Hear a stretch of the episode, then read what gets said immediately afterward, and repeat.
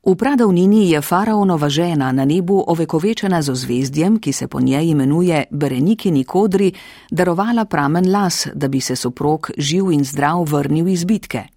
Osojnikova Berenika pa se z mopedom vozi prek križpoti poezije.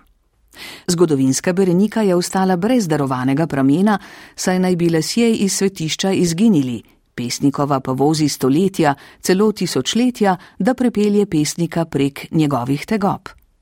In kakšne so pesnikove tegobe? V tretji pesmi pesnik potarna. Trenutno ne vem, kaj naj bi počel, zato pišem poezijo, ali vsaj mislim, da je to, kar bo napisano poezija. Tudi četrta pesem se začne s tarnanjem.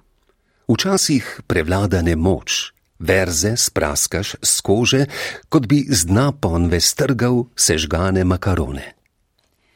Prav tako so pomenljivi verzi iz naslednje pesmi z naslovom Dan, ko je Gete stopil na bananino lupek.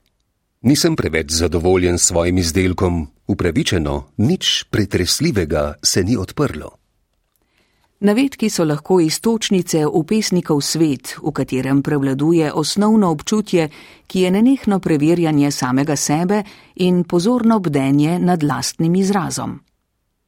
Pesnik, ki ima za seboj zgledno število zbirk in ostalih knjig, pa vrsto nagrad, nastopov, gostovanj in pobud za mednarodna srečanja ustvarjalcev, se znajde v zagati, komu tudi avtokritičnost ne pomaga.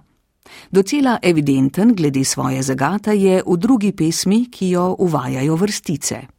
Že dolgo nisem nataknil belih gat, bolj kultivirano rečeno, spodnic.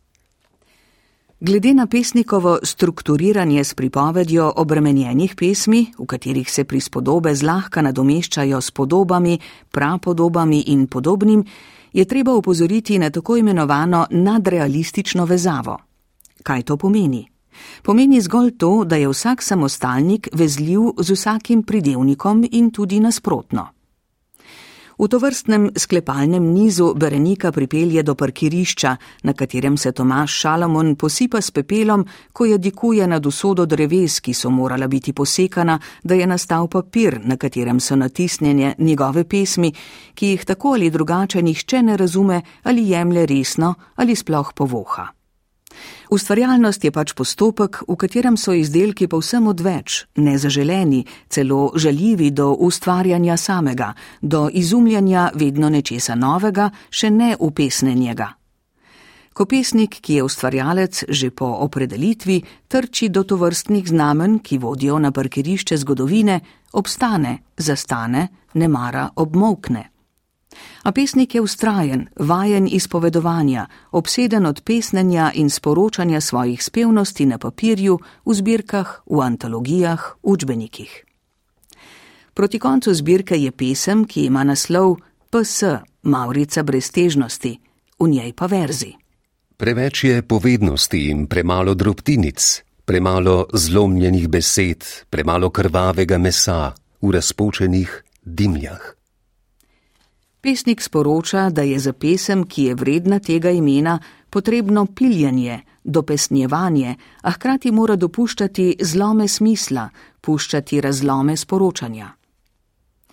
Isto kosojnik skozi celotno zbirko Berenik in Mopet dopoveduje, da sta ustvarjanje in igra oziroma igrarije par, dvojica z zavezo, ki zagotavlja kar najmanj pol izdelkov, izdelkov in produktov z dodano vrednostjo. Ne, ustvarjanje se potrjuje zgolj in samo z izvirnostjo, unikatnostjo. Le tako se namreč razpira široka cesta ustvarjalnosti, po kateri Berenika goni svoj moped in lovi ravnovesje, da ne zleti z ceste.